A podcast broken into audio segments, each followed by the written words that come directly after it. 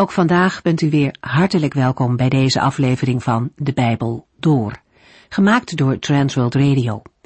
Voor meer informatie kijkt u dan op onze website transworldradio.nl. In deze serie gaat u in vijf jaar tijd met ons de Bijbel door, van Genesis 1 tot en met het laatste vers in Openbaring 22. We lezen ook vandaag weer verder in het boek Spreuken. In hoofdstuk 22 komen we het onderwerp rijkdom nogal eens tegen. De manier waarop de spreukendichter daar tegenaan kijkt is anders dan zoals het in ons rijke land gebruikelijk is. Het streven om zelf nog rijker en nog rijker te worden, het nooit genoeg hebben, dat is geen weg naar geluk. Het is niet de manier van God. Sommige mensen zijn rijk, daar is niks mis mee. Als iemand rijk is, dan heeft hij mogelijkheden om andere mensen te helpen, om anderen tot zegen te zijn. Zoals vers 9 zegt, wie vriendelijk is, zal worden gezegend. Hij deelde immers zijn brood met de hongerigen. Er ligt meer zegen in het delen van rijkdom dan in het voor jezelf houden. Belangrijker nog dan rijkdom is een goede naam. Die krijg je niet door hebzucht, door gierigheid, maar door liefde en wijsheid. Als rijk worden ten koste gaat van deze twee dingen, als rijk worden niet op een eerlijke manier gaat, dan is het uiteindelijk waardeloos. Ook verderop roept de spreukendichter op om dicht bij God te blijven. Op die manier zal iemand onderweg niet struikelen over verkeerde dingen.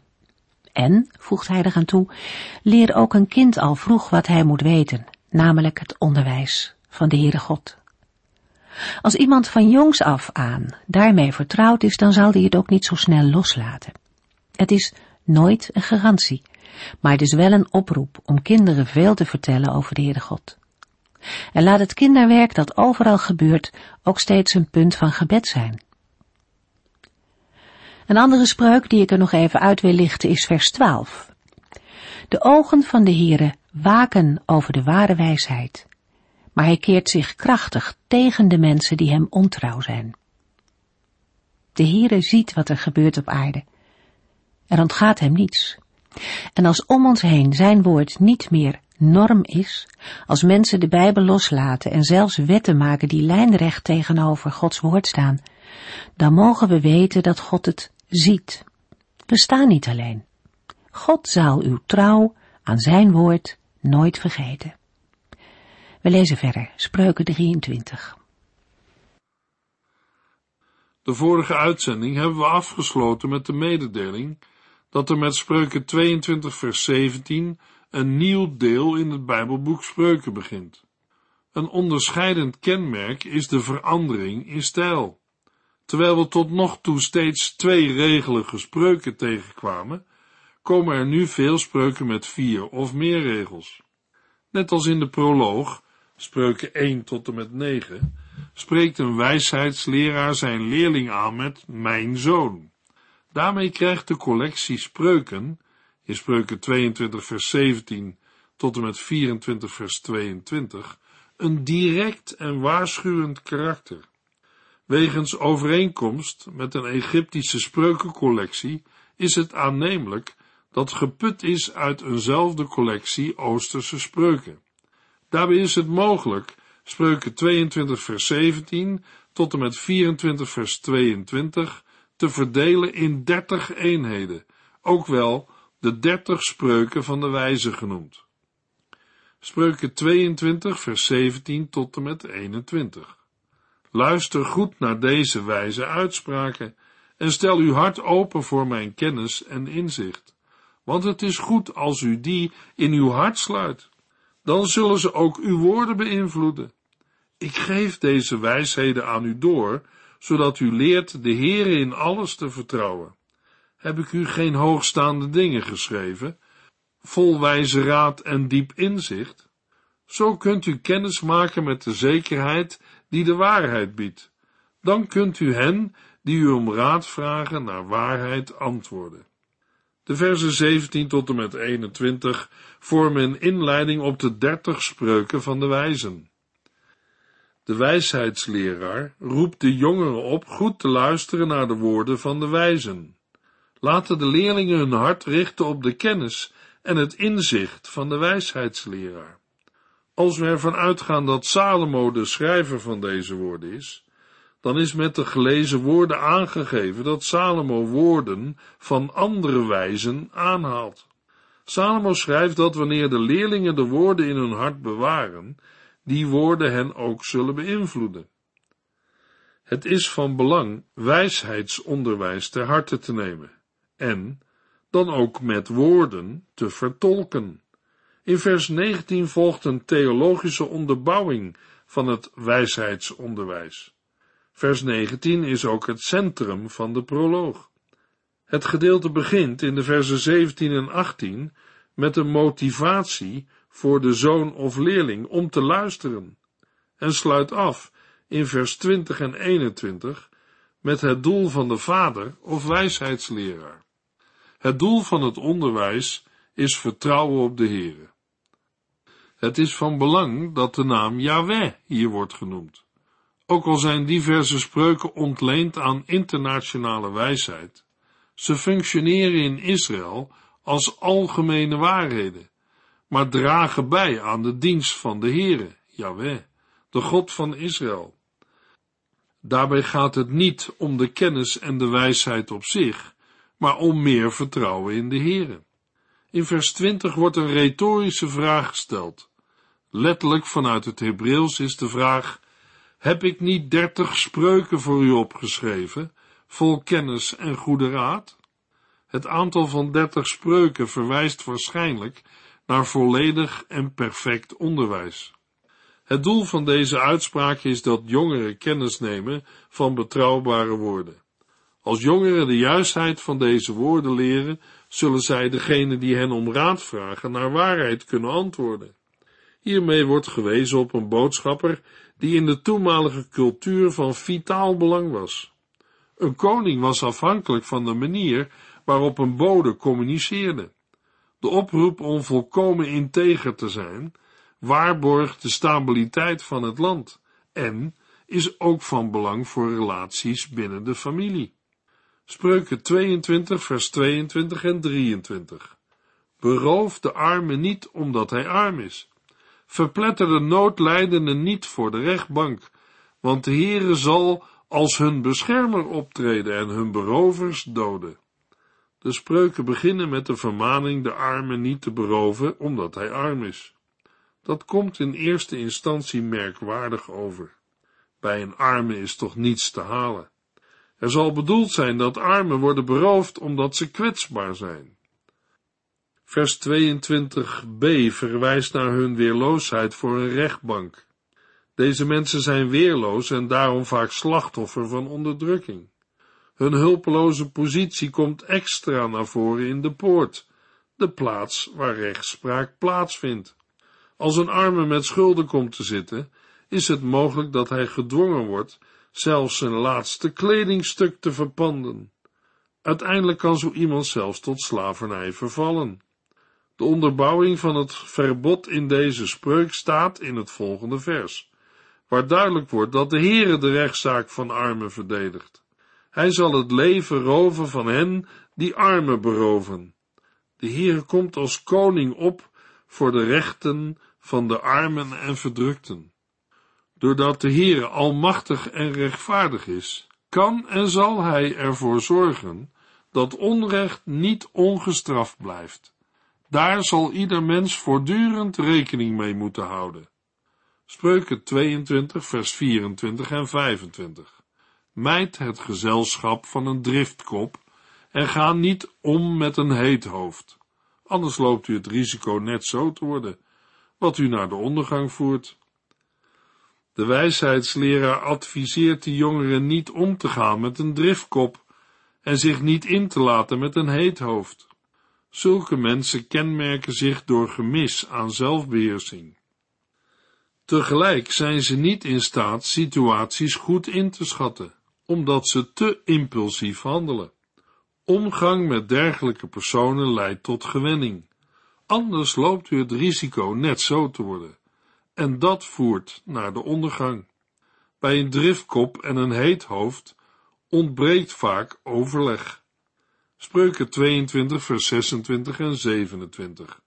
Schaar u niet onder degene die met een handklap te kennen geven zich garant te stellen voor schulden. Want waarom het risico lopen dat de schuldeiser uw bed afneemt, omdat u niet kunt betalen? In vers 26 volgt het advies niets met handslag te beloven en niet borg te staan voor schulden. De wijsheidsleraar motiveert zijn oproep door te wijzen op een situatie waarin degene die zich borg heeft gesteld niets heeft om te betalen. Waarom zou hij zijn bed onder zich weg laten halen? Schuldeisers zullen geen medelijden hebben met een borgsteller. Zij zullen alles weghalen wat ze kunnen vinden. Daarom zijn bezonnenheid en het vermijden van onverantwoorde risico's van belang. Spreuken 22 vers 28. Houd u aan de morele grenzen die al van oudsher gelden. Het is van belang zich te houden aan de oude morele grenzen, die door de voorvaders zijn vastgesteld. Daarbij gaat het niet alleen om morele grenzen, maar ook om de grenzen van grondgebied. De tekst wijst terug naar de tijd waarin Jozua het land verdeelde door het lot te werpen. In de Torah wordt geboden deze grenzen te eerbiedigen. Deze grenzen zijn van vitaal belang voor de stabiliteit van de familieverbanden en daarmee voor de staat. Het is mogelijk onopvallend een grenssteen te verplaatsen, zodat het eigen gebied groter wordt en dat van een ander kleiner. Maar de Heere ziet het, en voor hem is het onrecht. Ook voor ons vandaag is het goed om de wijsheid van Spreuken 22 vers 28 te overdenken en ter harte te nemen. Van nature houden wij mensen niet van grenzen, maar de Heere heeft op vele gebieden grenzen aangegeven. Dat is niet om onze mogelijkheden te beknotten, maar opdat het u goed gaat en u voor altijd mag wonen in het land dat de Heer uw God geeft. De grenspalen die de Heere heeft gegeven zijn ter bescherming, opdat wij mensen werkelijk zullen leven. In onze tijd worden er veel grenspalen verschoven of verwijderd. Morele bijbelse waarden, wetten en wijsheden zijn voor een aantal mensen een gepasseerd station. Wij mensen presenteren elkaar allerlei goed bedoelde menselijke oplossingen. Maar wie stelt er in onze maatschappij een bijbelse oplossing voor? Iemand zal vragen, wat is dan een bijbelse oplossing? Spreuken 22 vers 28 is een begin. Houd u aan de morele grenzen die al van oudsher gelden. Spreuken 22 vers 29. Kent u iemand die een goed vakman is? Hij zal succes hebben en voor koningen werken. In vers 29 vraagt de wijsheidsleraar of de leerling wel eens iemand heeft gezien die goed is in zijn werk. Een dergelijke vakman zal in dienst komen van koningen. Onaanzienlijke zal hij niet dienen. Het spreekt voor zich dat een koning wil werken met de meest bekwame personen die hij tot zijn beschikking heeft.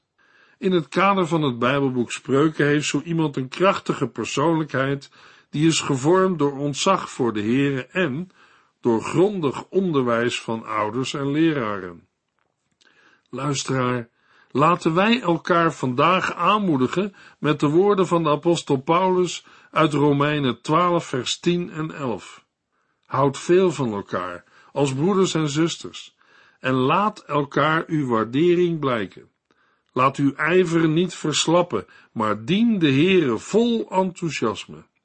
We gaan verder met het lezen van Spreuken 23. In de eerste drie versen van Spreuken 23 gaat het erover hoe een mens zich gedragen moet als hij of zij bij een koning of een hooggeplaatste te gast is. Daarmee is er aansluiting bij Spreuken 22 vers 29, waar het ging over mensen die voor koningen werken. Spreuken 23 vers 1 tot en met 3. Wanneer u bij een hooggeplaatste aan tafel zit, let dan op wat u wordt voorgezet. Beheers u als u een liefhebber van lekker eten bent. Laat u niet het hoofd op hol brengen door dat heerlijke eten, want weelde is maar al te verlokkelijk. De eerste versen beschrijven een situatie waarin iemand met een hooggeplaatste aan tafel zit. Als dat gebeurt, moet de aanwezige terdege acht slaan op wie en wat voor hem staat. Waarschijnlijk hebben we hier te maken met een jonge hoveling die de eer te beurt valt om met de koning te eten. Mogelijk krijgt hij als gast zelfs de beste stukken vlees.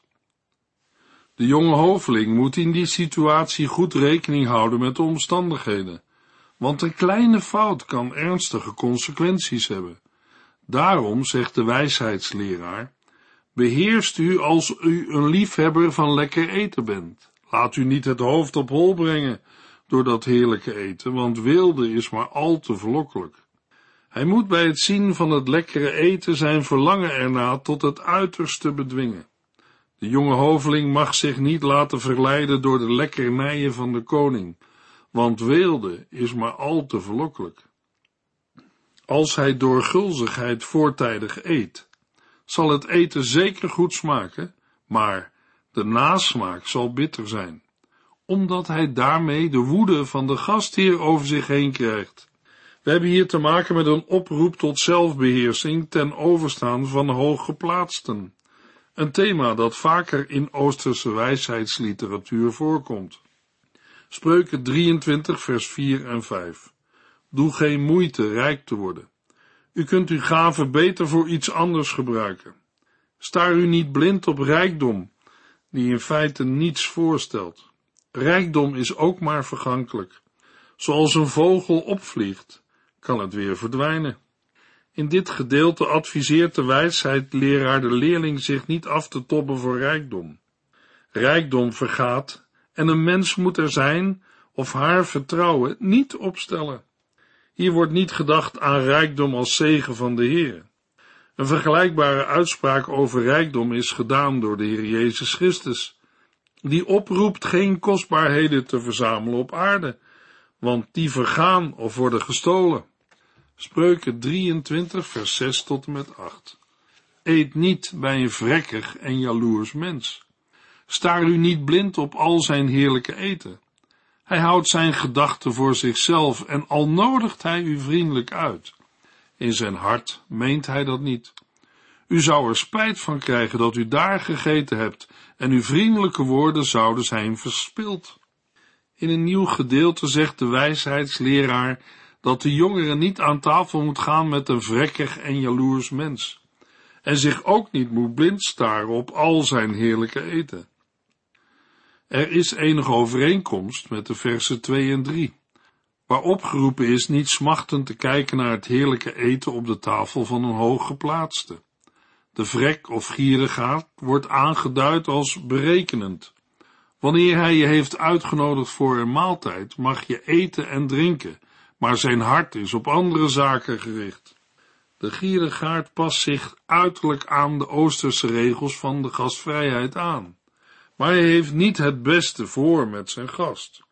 U zou er spijt van krijgen dat u daar gegeten hebt, en uw vriendelijke woorden zouden zijn verspild.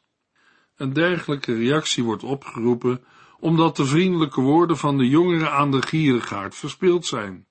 Hierbij moeten we denken aan de beleefde en vriendelijke conversatie die hoort bij een Oosterse maaltijd. De spreuk geeft indirect aan dat de jongere zich ver moet houden van een hypocriete gierigaard. Spreuken 23 vers 9 Praat niet tegen een dwaas, want hij heeft geen enkele waardering voor de wijsheid van uw woorden. Een dwaas is onverbeterlijk. Blijkbaar hebben woorden geen uitwerking op hem. Er zal een harde behandeling nodig zijn. Spreuken 23, vers 10 en 11. Houd u aan de morele grenzen die al van oudsher gelden en blijf van de bezittingen van wezen af. Want God hun verlosser is sterk. Hij zal hen tegen u in bescherming nemen. Het is van belang de oude grenzen niet te verzetten. Een dergelijke handeling gold als een misdaad. Door stenen te verplaatsen kon men het eigen veld vergroten ten koste van dat van anderen. Op die manier kon men komen op het grondgebied van wezen. Zulke mensen zijn kwetsbaar en minder goed in staat zich te verdedigen tegen het afnemen van bezittingen. Hoewel wezen mogelijk geen menselijke beschermer hebben, is er wel een goddelijke verlosser. De Heere is sterk en zal het rechtsgeding van wezen voeren. Hij is de Almachtige, die waakt over de zaak van kwetsbaren. Spreuken 23, vers 12 tot en met 14. Open uw hart voor wijze lessen en spits uw oren als er verstandig wordt gesproken. Aarzel niet een jongen te straffen.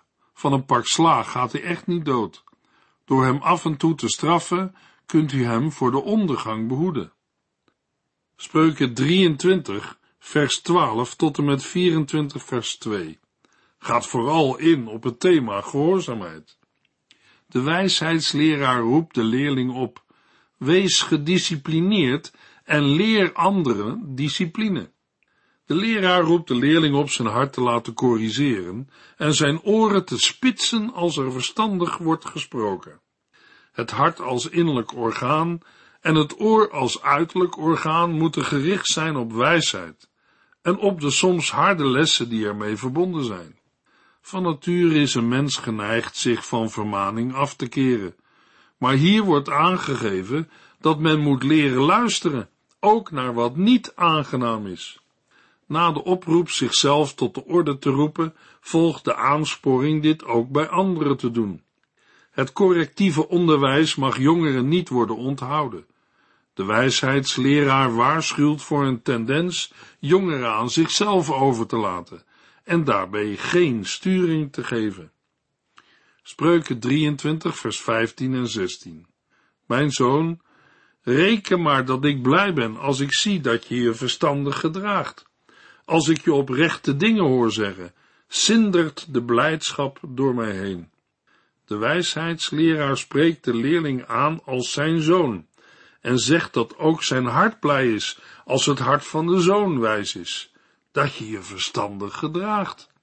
Dat de jongere door zijn verstandige gedrag zijn omgeving vreugde brengt, functioneert hier als aansporing om zich in te spannen voor een verstandig leven. Spreuken 23, vers 17 en 18.